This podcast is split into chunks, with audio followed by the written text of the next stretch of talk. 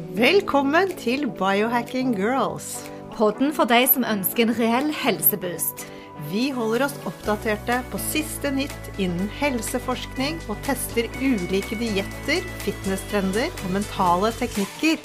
Ja, bli med oss på en spennende reise der målet er å lære hvordan din kropp kan heales, hvordan du kan aldres i revers, og hvordan intuisjonen din kan styrkes, sånn at du tør å stole på egne helsevalg. Vårt forhold til mat er fylt av usikkerhet og forvirring. Skal vi være veganere, eller skal vi være carnivore? Skal vi være vegetarianere, eller kanskje vi skal gå for den glutenfrie dietten? Skal vi følge en ketodiett eller meditariansk diett? Hva med faste? Er det noe vi skal prøve? Hva med paleo? Hmm. Hver eneste dag hører vi om nye ingredienser som enten er bra for oss eller helt forferdelig for oss. Vi hører stadig om nye dietter som lover å fikse oss. Ja, og det er jo ikke helt uh, unaturlig at man utvikler en matangst eller en matskepsis. Vi får stadig tilbake med, med spørsmål om hva som er rett og galt. For det er mange beskjeder der ute. Det er mange trender og fads. Og ting er jo ikke sånn i dag som det var for ti år siden. Altså Ting endrer seg konstant. Vi får ny forskning og nye trender som vi må møte. Og selv så kan jeg få litt matangst innimellom. Jeg vet ikke men likevel så er det mye å hente i forhold til helsen vår om vi er litt food-smarte. Og da kan du innhente kunnskap om din egen kropp og allergier og hvordan mat virker på deg. Men for å gjøre det ganske enkelt, så tenker vi sånn. La oss spise whole foods, altså ren mat. Da kan det vel ikke så, gå så galt. Det er verre hvis du tar deg en Big Mac og en Cola Light hele tiden. Absolutt, jeg er helt enig med deg. Men hemmeligheten for å bli friskere gå ned i vekt, leve et energisk liv uten for mye plager, og samtidig også ta vare på planeten vår, har egentlig ingenting med kaloritelling og restriksjoner å gjøre. Nøkkelen er vi må gjenlære hva det betyr å spise som et menneske. Og dette betyr at vi må finne, vi må søke den maten som er mest mulig næringsrik, og så tilberede denne på en måte som gjør at den blir til biotilgjengelig for oss. Og du sa et stikkord der, Alette. Spise som et menneske. Eat like a human. Og her sitter vi altså faktisk med T-shirts, for det står 'Eat like a human'. Og i dag har vi med oss en skikkelig kul kar, en ekspert på området. Han er food scientist, han har reist med National Geographic. Altså, Vi er litt starstruck. Vi har selveste doktor Bill Schindler på tråden fra Maryland. Han er tilbake, og vi har jo hatt han som gjest før, så hvis du er nysgjerrig på å høre mer fra tidligere podkast, så har han vært i episode fire, stemmer det? Fire, helt ja. tilbake i april. Ja, så da kan du gå tilbake og høre. Han er sjarmerende og så kunnskapsrik. Han er med oss nå på tråden. Så da ønsker vi velkommen til både gamle lyttere og til alle dere nye som kommer inn til Biohacking Girls podcast. Hello there, Bill Schindler. We are so excited to have you back on our podcast. You are in Maryland, and we just need to know a little bit. Um, you could do a little recap of your background and your passion for food, and yeah, eat like a human. We are sitting here with our t-shirts. So that's, so, that's so cool. Yeah. so cool. Sure. So first off, I am thrilled to talk to you both again. I love everything that you both do, and I'm so glad we're in the same conversation. Thanks for having me back. Um, I am. I'm coming at this from, uh, I think, a strange place, but more and more, uh, I think everybody's understanding that an understanding of our ancestral dietary past is key to understanding and addressing modern issues today of health and and diet and nutrition. So my, I'm an archaeologist by training, so I have a PhD in archaeology and anthropology, and most of my work for the past several decades has been um, looking at the archaeological record to understand our ancestral dietary past and spending time with and um, traditional and indigenous groups around the world to try to understand how they're feeding themselves today and still carrying on their traditional food ways. And about 10 years ago, I realized that that link with modern food was so important that I started uh, to get trained as a professional chef. And now, um, so my book has just come out uh, last two months ago in the US, and it's coming out all over Europe uh, this month. And then um, my wife and I, most recently, and I hope we get a chance to talk about this, have launched the Modern Stone Age Kitchen, which is where here in Chestertown, Maryland, not only do we run a whole bunch of um, of, of, in-person classes, but we actually make that book come alive. All the recipes and the tips and the, and the ways of approaching food, we're actually making that food and serving it and, and making it available to the community. And most recently, um, we are in the midst of turning the Eastern Shore Food Lab into a nonprofit. So all of the research and all the teaching that we do will fall under that. Cool. I would actually like to hear about that because last time we talked to you, you were still uh, working as a professor. Yes. Yeah? So yeah. the Stone, so the Stone Age kitchen is brand new. It is. It is. So about well, about 15 years ago when we first moved here to Chestertown, Maryland, the whole family moved, uh, and I can't wait. I, I would love to have you guys come visit sometime. I think you'd we really will. enjoy it. Um, we're in we're in a really beautiful rural area, but it's a great pocket of eastern North America where where it's nice and rural and beautiful, and there's a lot of hunting and a lot of fishing and a lot of uh, you know outdoor activities. And but we're only about two and a half, three hours from New York City, an hour and a half from Philadelphia, an hour from Baltimore, an hour from Washington D.C. So it's a really unique and, and, cool place to be. And we came down here because I got a job as a professor at Washington College. And food was always central to all the teaching that I did. Even though I was teaching archaeology and anthropology, food played a central role in all of that. So we didn't have any facilities at the college to support that part of my teaching. So we built a commercial kitchen in our basement at home. And I would have students come to the house most nights of the week. And this went on for many, many years. And it was wonderful. But, you know, I have a family, I have three kids. It was a lot to have all that so I, have been pushing the school for a long time that we I wanted us to build a facility where I could do that sort of hands-on teaching with food. Where, where, where, kids were actually learning how to butcher and they were learning how to ferment and they were and they were cooking meals from scratch and doing those sorts of things. So i was, oh, oh, I was finally able to raise the funding to get a place like that launched and we called it the eastern shore food lab and we launched it four years ago through the college and unfortunately for a number of reasons some of them financial some of them covid you know a lot of things happened where it didn't make sense that that was still a part of the college and christina and i thought that we could do a lot more with it a lot more quickly and make a bigger impact if we um, if we separated from the college and did it on our own and not only had it focused on uh, research and teaching, which is where the, the, the the nonprofit is, but also on food production. So we're actually not just talking about this food, but actually making it and making it available to people.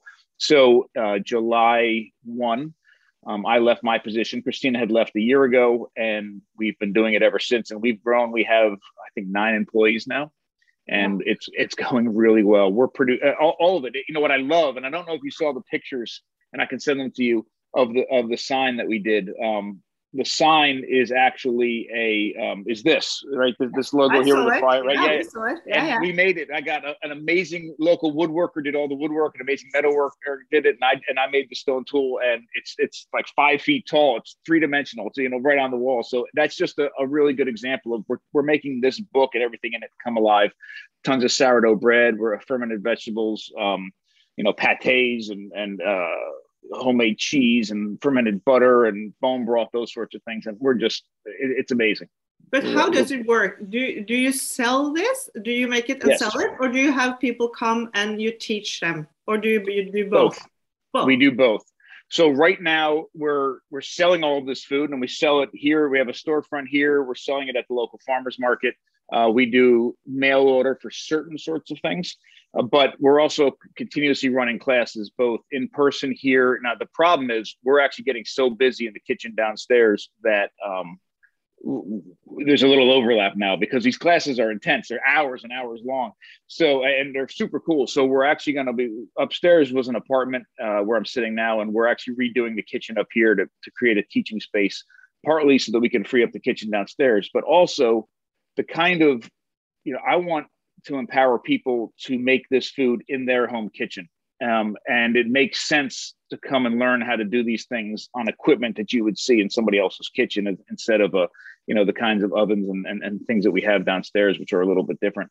So we're working on that. And then we're also setting it up as a studio because we have a whole host of, of live virtual and recorded classes that we're going to start working on as well.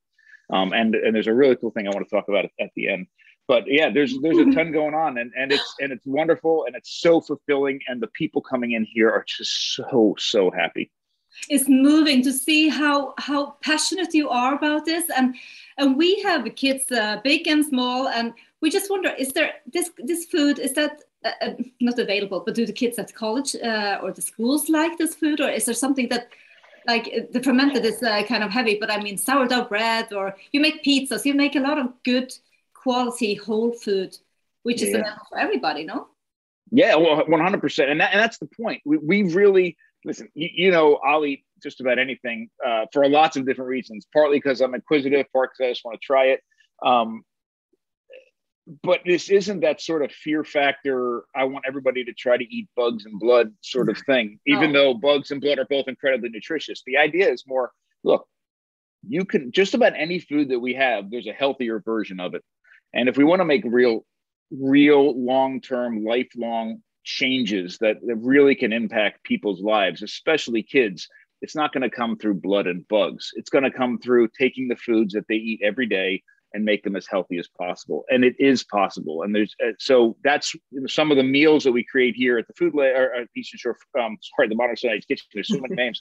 Um, is we you know we do pizzas on Friday, wood fired pizzas. We have a beautiful wood fired oven, but the wood fired part isn't important. The important part is that it's completely uh, homemade sourdough crust. It's uh, we make all the cheese from scratch. We make all the meat on it from scratch from local animals. We butcher the pigs in here. We make all the pepperoni. We make all the sausage. We have complete control quality control over all of the um, all of the food, and most importantly, we're using these ancestral and traditional approaches to the food to make it as safe and nourishing as possible. And if you do that, you know, even if you just build something like a pizza and do that on every on all the ingredients, then you're producing a completely different food. And what's really cool, you said kids um, about it is you know, I fully believe in the health benefits of this food, but when you do it right, it just tastes better. I mean, and it's more satiating. So the kids actually enjoy it.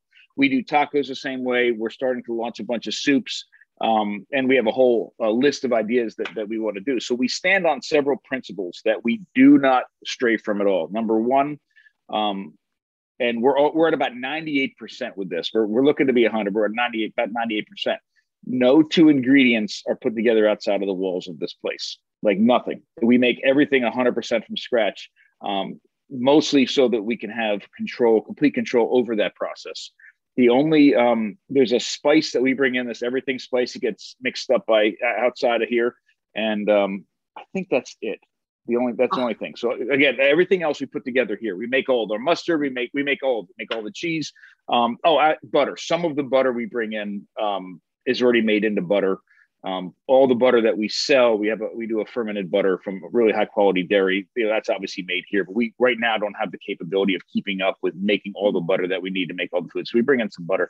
So that's number one. Number two, uh, we don't use any refined sugars whatsoever. We don't like to produce a lot of sweet things anyhow, but we realize again, people are eating yeah. things that are sweet. We might as well make something available to. So there's there's no refined sugars at all. We use raw honey, maple syrup, and uh, unrefined sugars like muscovado. And we use absolutely, it's forbidden to use any industrial nut seed oils in here. So yeah. we will use just high quality animal fat. We use a little bit of avocado or olive oil and things like dressings and the like, and some coconut oil. But that's it. No, no industrial nut or seed oils. And other than that, we just try to make the food that that people eat all the time and make it as healthy as possible. So, in order to uh, conserve the food, uh, what are the te- techniques you use? Is it salt or like, yeah? It, it, depends on what we're doing. We do a lot of fermentation. Yeah. Uh, we do we do a little bit of dehydrating, but mo- most of the food that we're making is is made to be purchased in you know within a day or two of it, especially especially the bread. Um, yeah. and the pizzas, the, the, the, those sorts of things. We we do want to get. We, we've had a lot of calls. The, the pizzas. I can't believe how well the pizzas are going. And I absolutely love the fact that pizzas are like a blank canvas. I mean, you can do so many things and tell so many stories through a pizza.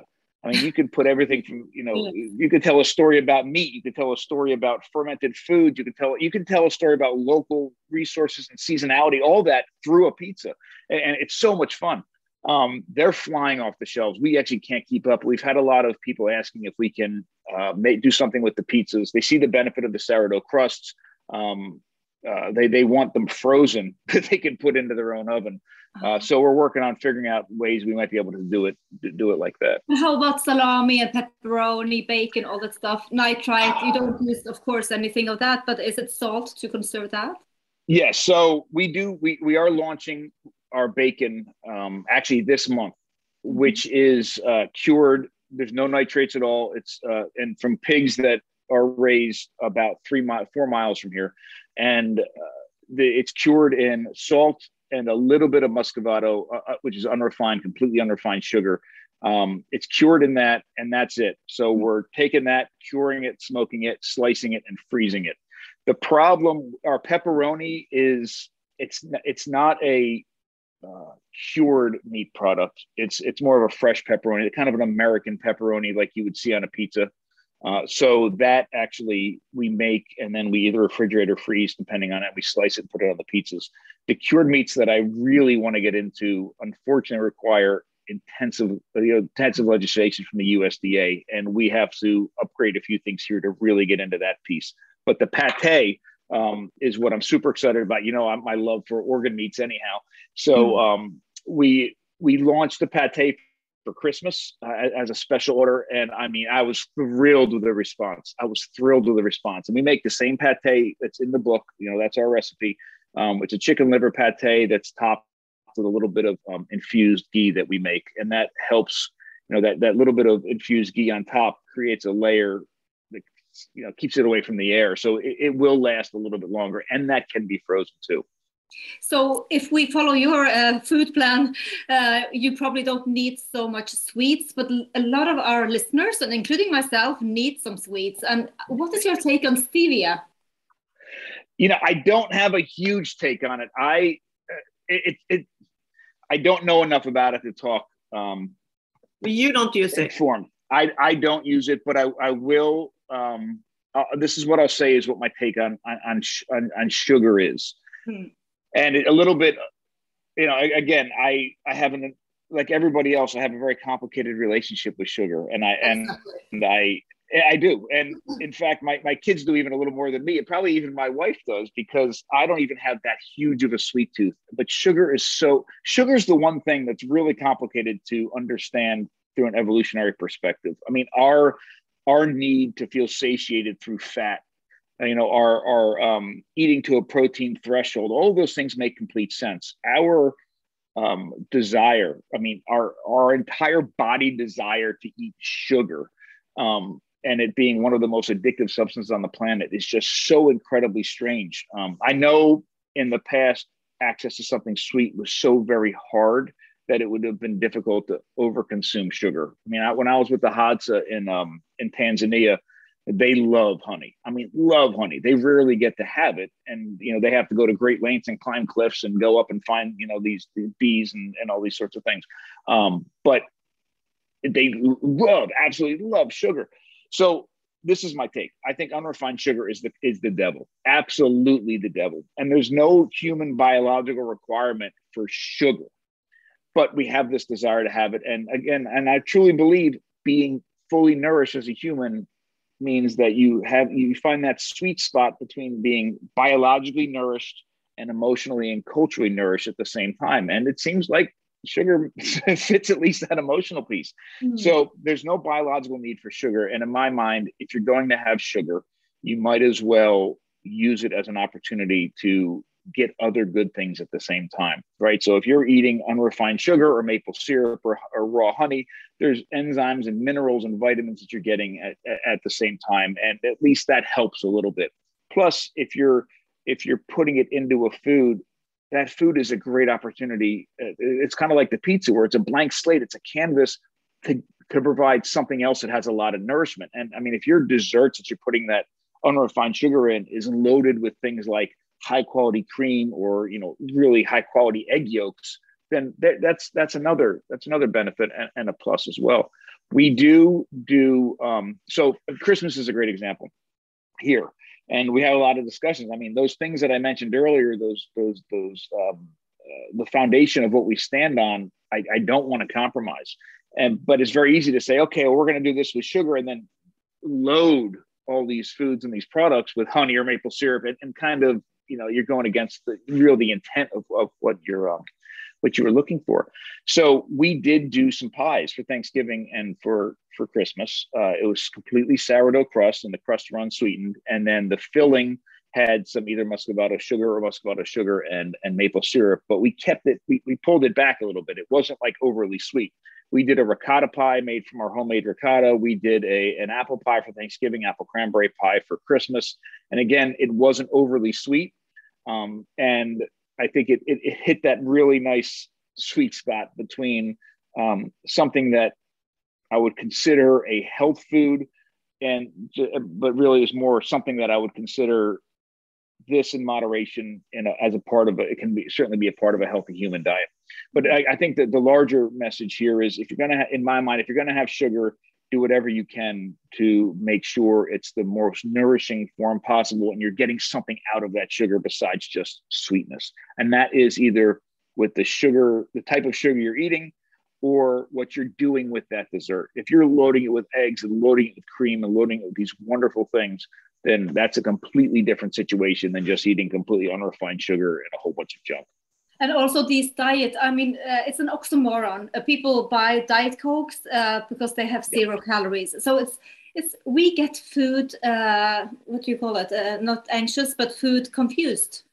Really? Yeah, really, yeah. and that's the diet confused. diet confused and uh, but there's always a need for desserts and sweets and of course berries and natural things and honey monk fruit. Uh, yeah, yeah. but uh, it's in our needs. But we want to eat a lot and not gain weight. But, but how, how, how do we keep our common sense in this jungle? How how do we do that?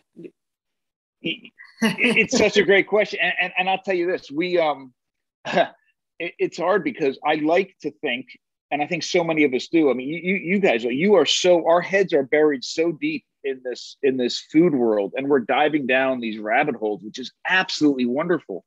Um, and we every day we learn more and more and more about our food but then we look up and we're still confused. We still have questions and what does this all mean? And i i, I truly believe and i think we talked about this last time that it's it's much more simple and basic than we think right? It's if, if we forget our modern relationship with food and we look back let's say we look at, at, at a hunter-gatherer group which a, a hunter gatherer group 200,000 years ago, 500,000 years ago, a million years ago was a lot closer eating in a, a, a fashion that's a lot closer. A snowplow is going by, sorry. Um, a, a, lot closer to the way that uh, a, a, wild animal would have eaten, right? I mean, it, it's very similar. They're not relying on books, they're not relying on nutritionists. They're actually relying on their own senses and their own feelings to understand what, how, and how much they should be eating.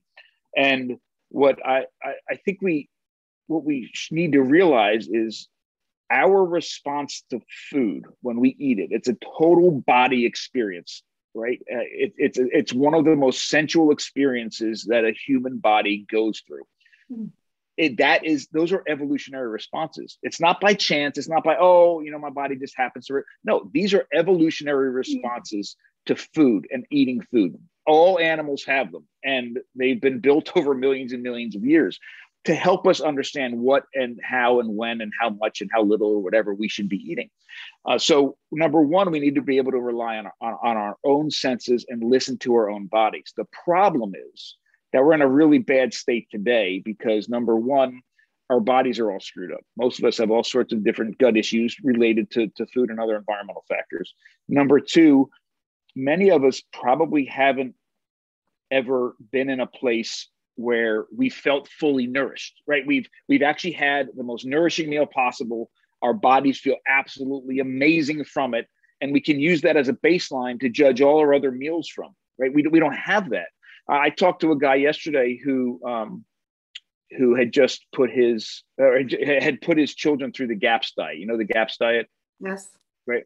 And he said, I had absolutely, and, he, so he put his kids on it, but he went through it as well. And he said, I had absolutely no idea that I didn't know how I should feel, right? It was mm-hmm. after he was finished with that and healed his gut and, and ate really quality, nourishing foods. And he's like, that's how I'm supposed to feel. So here we are as a population running around normalizing gut issues, normalizing joint pain, normalizing just feeling like junk and mm-hmm. saying, okay, well, that's what life is. And, and, and that's it. And trying to make healthy decisions about food and listening to the you know modern mass media. But and that's not the way to do it. The way to do it is to reconnect with our food eat nourishing meals see how they feel and then and this is where i, I think uh, I, I like to put most of my focus understand your food where it comes from and how it's prepared and then you can start to make those decisions yourself. And it's hard because it takes a lot of work. It takes a lot of time. Um, but i think it's so incredibly important because people can listen to you they can listen to me they can listen to us all day long.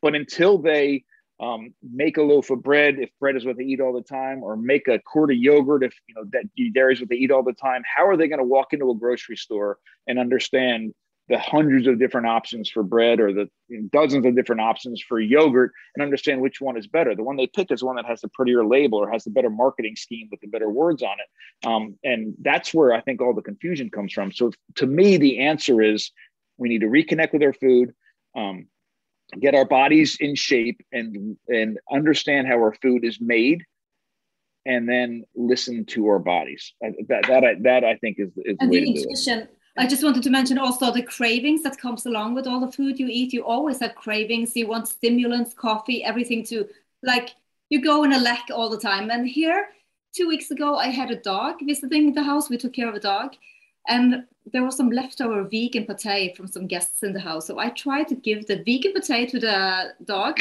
He sniffed and walked away. And then I had a whole liver, chicken, chicken liver, and he ate all of it. And you had a vegan pate. What was that made of? Yeah. It was. I don't know. I just read the package and and he, he didn't even eat it. Uh, I threw it away. It was like it's not something I have in my house, but there was somebody visiting who brought this. Yeah. But the thing is that intuitively, the dog wanted the real food because, uh, yeah. like you said, we lost the sensitivity, the the inspiration, or the the feeling of uh, being here and now, and listen to our bodies and what we really need. It, it, it's true. Here's here's the caveat though with humans, and this is where it becomes a little bit more complicated. You throw a deer, uh, you know, the deer around here they eat. Well, they don't naturally eat corn, but they eat a lot of corn. They eat, they, browse, they eat little twigs and things like this. Their bodies are designed for it. The cows are designed to eat grass. The bird, the ducks are designed to eat, designed to eat grains. They have the right digestive tract to uh, eat this diet right? And that the one that they they have, I'm confident they have the same sorts of feelings, you know, res- visceral and and um, sensual responses to the food that they're eating that we do to the food that that you know nourishes us the most. So that's fine. The problem with humans is that we our digestive tract is incredibly inefficient and we need to do things to our food before we consume it to fuel these bodies and, and, these brains. So it becomes a little bit more complicated for humans. And it's not about necessarily as much the choice of what the food is as much as what we do to that food to get it ready to put into our body whether mm-hmm. putting it into a blender or slicing it or cooking it or fermenting it or doing a whole host of, of different things to it. So to me this is how i divide it. And I'm, you know those the choices about um, what you should eat, when you should eat, how much you should eat, how little you should eat. Those are intuitive. I mean, those are things that if we're in tune with our body and we're presented with real nourishing foods, we should be able to sort that out ourselves. The the part that we need help with, this is where culture comes in. This is where cooking with your grandmother or your great grandmother, if she's still around, comes in and understanding how people around the world are still cooking and how our ancestors were preparing food. The the the difference with humans is there's that other element. What do I do to that raw material to get it as safe and nourishing as possible before I put it into our mouths, because that's what humans do. And that's the part where we should be putting our focus. Now, the book, I, I said, I say early on, this isn't as much about what to eat as it is about how to eat. We're talking, everybody's talking about what to eat all the time. How many calories, how much protein, how much fat, how much vegetables, how much, you know, all these. That conversation is important, but that's not the one that I think we should be putting most of our energy in right now. We've had that discussion over and over and over again. The discussion we should be talking about now is how do I take all of the raw materials in front of me, whether it's animal or plant or whatever, and transform it into its safest and nourishing form possible. That's what our ancestors have been doing for three and a half million years. That's the focus of our dietary past that built us as humans 300,000 years ago. And that's what we need to get back to. The modern food industry is processing food at the expense of the nutrients. We as family members, husbands, wives, partners, whatever, have the um, responsibility and the ability to do the right things, the most nourishing things to our food in our own home kitchens. And that's what I think, you know, really the, the answer is let's get away from that what question. We can talk about it, it's wonderful, but the how how do I ferment this? How do I make a sourdough this? How do I butcher this to make the most um, you know most amazing use of this entire animal? How do I render this fat? How do I do those things? Because mm-hmm. that's the key to unlocking those nutrients and making them available to our bodies. So how about vegetables? This is the new ah.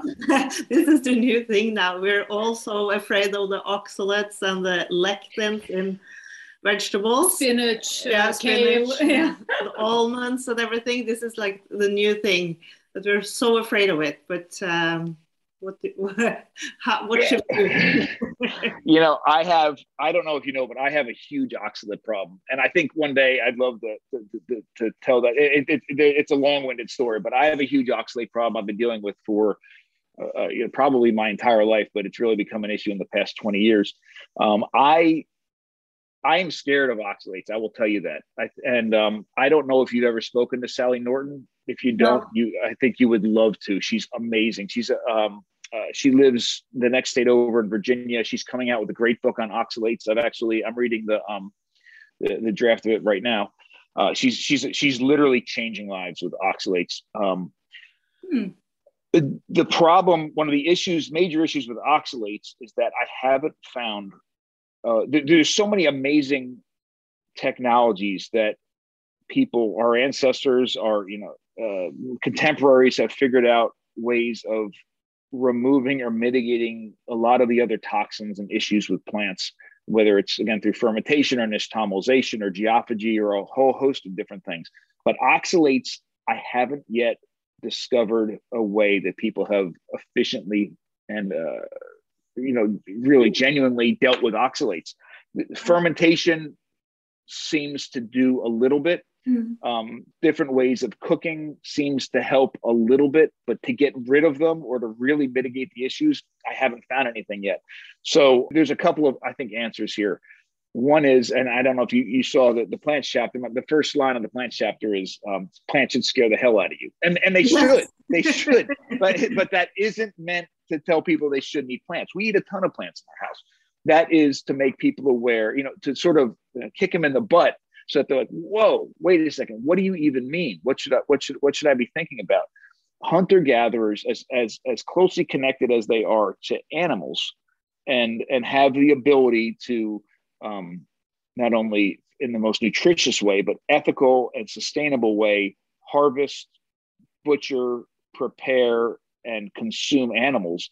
They have that close relationship with plants as well. They understand the the dangers with plants. They understand that even though plants have a ton of nutrition in them or at least they have nutrition in them that nutrition is locked up and difficult for the body to access without pre- preparing them properly they understand seasonality and all of those uh, important factors that go into plant eating we modern most of us modern people don't. Most of us are not foragers. Most of us don't even see seasonality in the grocery stores because you can get the same, you know, the most seasonality many of us see in the grocery stores is that the price of different foods go up because they're harder to get in December than they are in June.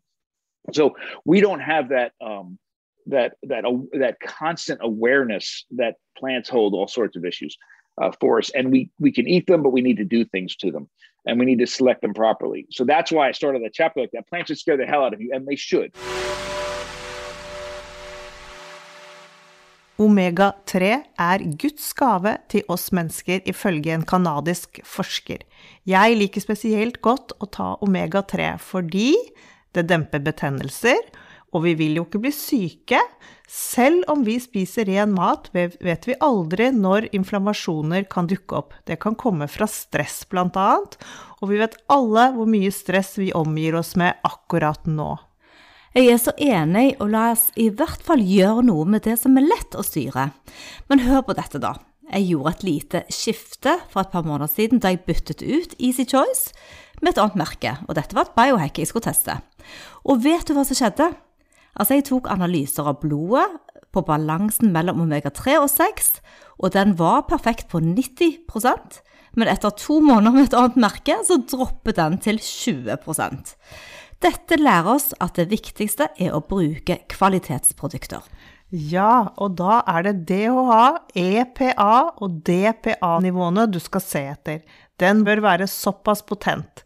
Derfor samarbeider vi med Norges beste omega-3-oljer fra Easy Choice, der du kan velge mellom høykonsentrert flytende omega-3 eller kapsler. Begge tilsatt vitamin D i tilpassede doser. Ja, og jeg digger den flytende oljen. Den smaker lett sitron, og nå har Biohacking Girls fått sin egen flaske.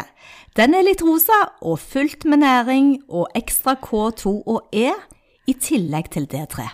Ja, et solid biohacking-produkt. Omega-3 er det viktigste næringstilskuddet du kan ta for å ta vare på helsen din, og som er dokumentert å være bra for hjerte-karsykdommer, blodtrykket ditt, triglyceridnivåene, hjernefunksjonen, syn, utvikling av både hjerne og øyne hos fostre og ammende spedbarn, immunsystemet vårt, benbygningen vår og muskelfunksjonen.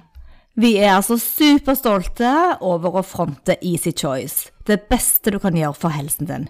Husk nå å bruke rabattkoden CORE, C-O-R-E, så får du en spesialrabatt som lytter av vår podcast. Now, what do we do with plants? I'll say probably the most important thing that we can do, and we can do this immediately, and it doesn't take a lot of research. It's very easy to do. Is we should eat as seasonally as possible. You know, the first conversation I had with Sally Norton um, when I started to realize what these oxalate things were, and and and the fact that I had a huge issue with them, is you know, I, I would say she was talking about the dangers of things like spinach, for example, which is one of the mm-hmm. highest oxalate containing plants on the, you know, in, in our grocery stores.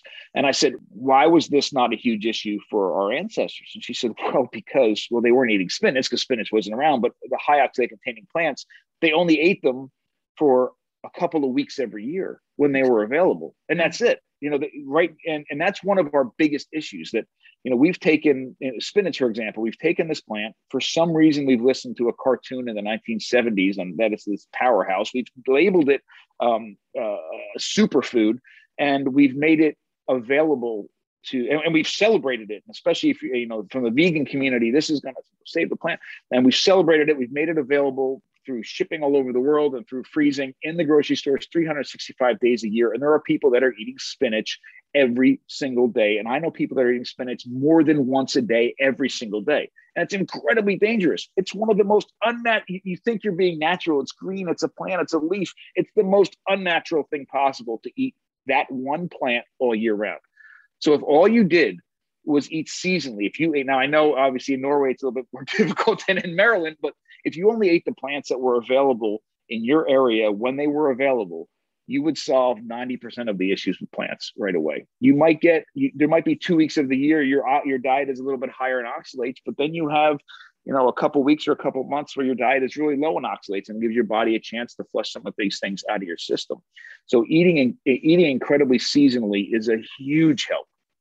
The second thing is if oxalates are an issue uh, with you, then um, as they are with me, then I would identify the ones that have the highest highest oxalate. So to me, the two foods that I stay completely away from are spinach and almonds. Yeah. And I used to eat massive quantities of almonds. You know, I don't know uh, if you had seen this, but there was a, a peer-reviewed article came out within the past year, year and a half about for the first time ever, there's children under the age of 10 presenting with kidney stones in the U.S. Oh, because of almonds or extra because of, almond milk. Almond oh, milk, sugary. I saw that actually. No, because they're they're and, and most of these kids are being raised in vegan families where the parents are raising their kids vegan and they're replacing milk with almond milk and these kids are eating the same amount drinking the same amount of almond milk as they would be cow or whatever milk and they're they're they're for the first eight, eight year old kids with kidney stones i mean this is a real a real issue. Uh, kidney stones is something. I mean, my great grandmother probably. I thought I've never thought about it no. before the last years. And there's been so much uh, talk about kidney stones. But yeah. uh, um, so okay, we can uh, look at the way we pre- prepare the food. Stay away definitely uh, from some food. Open up our senses to change things at home. I mean, the COVID cloud is still over us. But how do you protect yourself during this ongoing pandemic? We just have to live with What, it. what are you doing Yeah. right now to upping your game? COVID cloud. we are well, now number one, uh, and, I, and what COVID or not, I think this is a great thing to do, especially when it's cold out. But we um, we drink uh, at least a mug of bone broth every single day in our family. You know, really high quality bone broth. Uh, swimming with fat. You know, whatever. It, it, it's so funny because I used to when I used to make uh, broths or stocks. Um, I used to, my, the idea in my head was whatever was in that jar should be crystal clear with no sediment at all and no fat whatsoever. And I'd spend all this time skimming off the fat. And um, oh, you guys have got to meet one of my good friends. You might already know her, Galia Kleiman from uh, Mexico City. She's amazing. And she has a, a, a wonderful um, business down there. And she's producing a lot of bone broth. And I was down with her a few months ago and I saw how she's producing the bone broth. She's like, we always make sure it's capped with at least a quarter inch of fat on the top. Like, oh, that's awesome. Um, it helps preserve it as well. So, you know, we make sure we do that too. And she goes, the fat's the best part. I'm like, you're absolutely right. So, um, you know, we, we have bone broth. Uh, this is this is what we do in our family. Yeah. We have a, a mug of bone broth every single day. We pay attention to our vitamin D. Um, I think that's incredibly important, not only in the winter, but definitely with with COVID. Um, we are eating the most nutrient dense diet possible. Now, I, I'll be completely honest. My kids right now, my oldest daughter's 18, my son is 16, and my youngest daughter's 14. Um, it is not always rainbows and unicorns when it comes to food, as you guys know. There, there's a Oh, lot of social pressures. I mean, we're, we're doing our best. Um, I about 10 years ago, I was trying to figure out. Um, I, I, I was I was, I was very um, confused and trying to figure out the best way to go about feeding my family where you know my kids are going out to friends houses and they're getting different foods when they're there and you know, you know when they're coming back from a, a dance class and another parents driving and stop and get the food or and i was trying to be uh, really really strict. I wanted to make sure i got the best food in them and i wanted to make sure i kept all of their food out of their diet.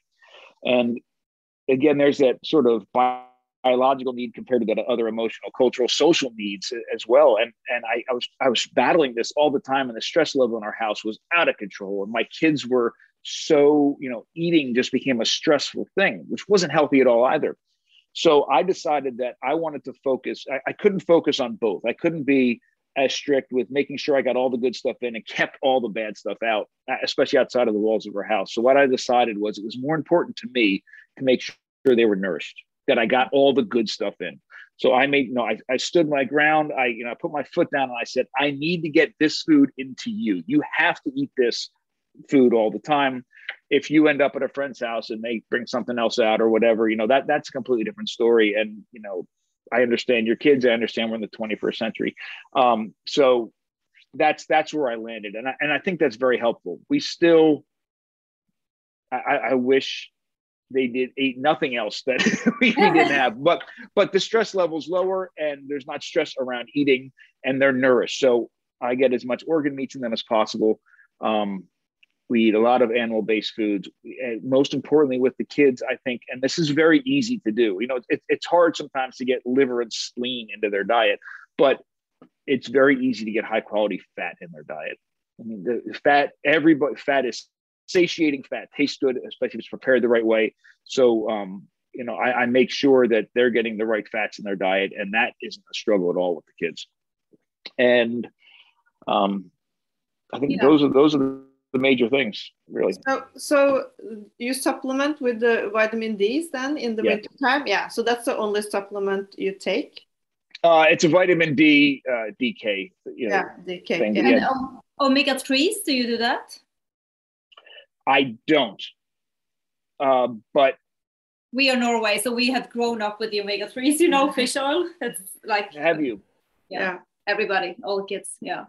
All the We, moms. we have, we have, uh, we, you know, we have in the past. We, we certainly have uh, had uh, fish oil supplements, and we, we we've gone on on streaks with them, and I and I think they're they're incredibly good. And there's no reason that we're not, other than we just it's it's not something we- we've been paying a ton of attention to. But I do, um, we do pay a lot of attention to getting the right kind of fats into them. So I'm hoping I'm I'm hitting that mark there. Yeah, great. Uh, can we talk just a little bit because um, our time is running out because we have uh, yeah uh, we we wanted to talk a little bit about the book Yes. Uh, it's finally coming to the market, and we are so excited. Uh, Eat like a human. Uh, we, what we look forward to the recipes. Yes. what do you want to teach us with the book, apart from what you have already said, uh, Bill? I, I I want everybody to realize well, there's two things that I want to have happen. One is I am hoping that this book and the way that I, I wrote it is an accessible way to lay the foundation for understanding what our dietary past w- was. Right? It isn't. It isn't written like a textbook. It's actually. It, it- it's. It's really a journey around the world with. You meet a whole bunch of really uh, uh, amazing people and and, and families. Um, but through this through this storyline, um, we I, I try to relay what our dietary past really was like with using the most up to date information, um, and also try to provide information about how those uh, a lot of those approaches to food are still carrying on in pockets in the world and how important they are. Um, but then the second part, which is where I, I think the real power comes from, is I want to use it to empower people to take advantage of those lessons and actually apply them in their own homes to nourish their families. So it isn't this just intellectual or, or, or fun journey about our past and, and around the world. It's then okay, what do I do with it? And that's where that's where the recipes part come come in. It's here's the tips, here's the I don't like to use the word tricks, but it's sort of sort of like biohacks, right? Yeah. To um to to take these uh no matter where you are in the world, no matter what your dietary approach is, which I think is important as well. I have I have very strong as many of us do, feelings uh, about the the importance of animals in our diet, animal parts in our diet. But no matter what your approach to food is, whether you're carnivore or keto or vegetarian or vegan or pescatarian or whatever it is, um, this book can help you take your diet to a new level in the way that you eat. It can help you make the food that you're eating, the ingredients safer and more nutrient uh, bioavailable. Um, so tons of recipes, and I'm Wow. super super excited about that. Now, and, and again, the recipes aren't weird things. It's it, it's recipes for uh, most of the recipes are recipes for foods that you're already eating that you can then you know just do this or do this or add this, and then it, it's a heck of a lot healthier. Um, so he, and here's the super cool thing I wanted to mention. So we are launching on February 1st. Um, I'll put more and more information about it online, um, and we'll do a, a full push on it next week. But uh, we're launching February 1st. We- We've got really good responses to the book. I mean, really good. I'm so happy. Um, and there's been some people asking for more. You know, I want more stories. I want to know how to do this recipe a little bit better, you know, whatever it is. So we're launching February 1st, two month virtual class, week by week. It's like a book club on steroids. We're going literally through every single chapter. Um, there'll be, you know, there'll be behind the scene. The, these stories that I trimmed down to put in the book, many of them are incredible, wonderful stories about amazing people and families. So, um, there'll be behind the scenes stories. We're going to bring some of the people that uh, you meet in the book from around the world. We're going to br- bring them online and you know have conversations with them, and then every one of them will end with a uh, demos and uh, of some of the recipes in the book to see to see how they're made. So Cool. it'll be a really cool way to be virtual, so anybody around the world can can access it. So um, information on that you can get at uh, e- on either of our websites, eatlikeahuman.com or modernstoneagekitchen.com. Uh, We have just shared in the intro that you're coming to Norway. The listeners, they don't know why you're coming yet, but uh, for sure they can meet you and they can uh, learn from you and maybe workshop with you. We are really excited to have you over, Bill. It's such an honor to have you uh, coming visiting us. you you have no idea how excited I am. No idea. My wife and I have been talking about it for actually the past several weeks, Uh, and I've never been to Norway. It's and it's been on a bucket list. So That's what you said in the first uh, episode with you too. So we are excited, and uh, we will do a live on the Instagram with you when we can launch the news here. Yeah. So, but this has been it, it's been amazing and Yeah, so thank you so much for the updates and everything. Thank you. Yeah, Thank you. It is so good to see you both, and I love your shirts. we do too. we do too. They're so All right. cool. Yeah. So it's I fun. will- and, yeah. I will get the books out to you in a couple days. Wonderful, Bill. Say hi to Christina too and be well. And we'll Thank talk you. soon again. Thank Sounds you. great. Okay. I got to go make bread now. Yeah. Yeah. Bye. Bye. Bye, guys. So good to see you both. Bye, bye. Du, dette var interessant, eh, Alette. Dette var altså så Altså, han er så han er så entusiastisk, og han er så flink til å forklare. Og Ja. alt det han snakker om, det er jo logisk. Det er jo så logisk, Det og det er jo så enkelt. Ja. Hvordan har vi havnet utpå med alt dette surret vi driver med? Det er litt rart, for da vi lagde introen før vi snakket med nå igjen, og vi Mm. har jo hatt masse konversasjoner med Bill, så, så føler jeg på en måte at jeg fikk- svar. Man trenger ikke ha noe food anxiety. Man kan egentlig bare gjøre noen kloke små endringer, og det gjorde vi jo etter siste episode òg. Så, så hva er din oppsummering, eller hva var det du følte du fikk mest utbytte av det han sa? Jeg, nå har jeg hørt dette her noen ganger, og eh, jeg liker så godt den derre ikke, ikke tenk diett, ikke tenk at du er i en kategori. Vi, vi, vi kan spise alt, bare vi gjør det på den mest eh, bioavailable eh, måten. Og alt Altså, vi, vi er laget for å spise både kjøtt og planter og, og det han snakket om, til og med honning. Ikke sant? Alt na fra naturen kan vi spise. Og ikke la oss så mye mer ut av det. Ikke, det, er, det der med sånn labels, det er ikke noe særlig. altså. At man skal holde seg til en sånn uh, Nei, jeg liker det derre Eat like a human. Ja, det er akkurat det det er. Ja. Det er derfor vi går med disse T-skjortene Ja. som vi bare deler bilder av. Men eh, så tenker jeg òg dette med spinat og mandler, som har vært selvfølgelig på vår radar. Eh, og oksylatene. Jeg har aldri målt meg selv for oksylater, men jeg vet jo at det er flere kunder og lyttere Ja, som skriver om det. Med, Men, men det, det syns jeg er veldig interessant, det der med seasonal. Jeg, jeg ser jo på veldig mye av mine barn, de rundt der. De spiser absolutt spinat hver eneste dag. vet, De tror det er så sunt at de spiser det hele tiden. Og det er jo selvfølgelig ikke helt riktig. Og så kan du tenke sånn som selleri òg. Folk holder på å Mm. juice selleri hele Mm. tiden. Det er den store gullmedaljen etter Mm. mm. medical medium som verken er medium eller medical. Nei, nei, nei. Men iallfall han, han lanserte dette med den juicingen, og da får du ikke fibrene fra grønnsakene. sant? Nei.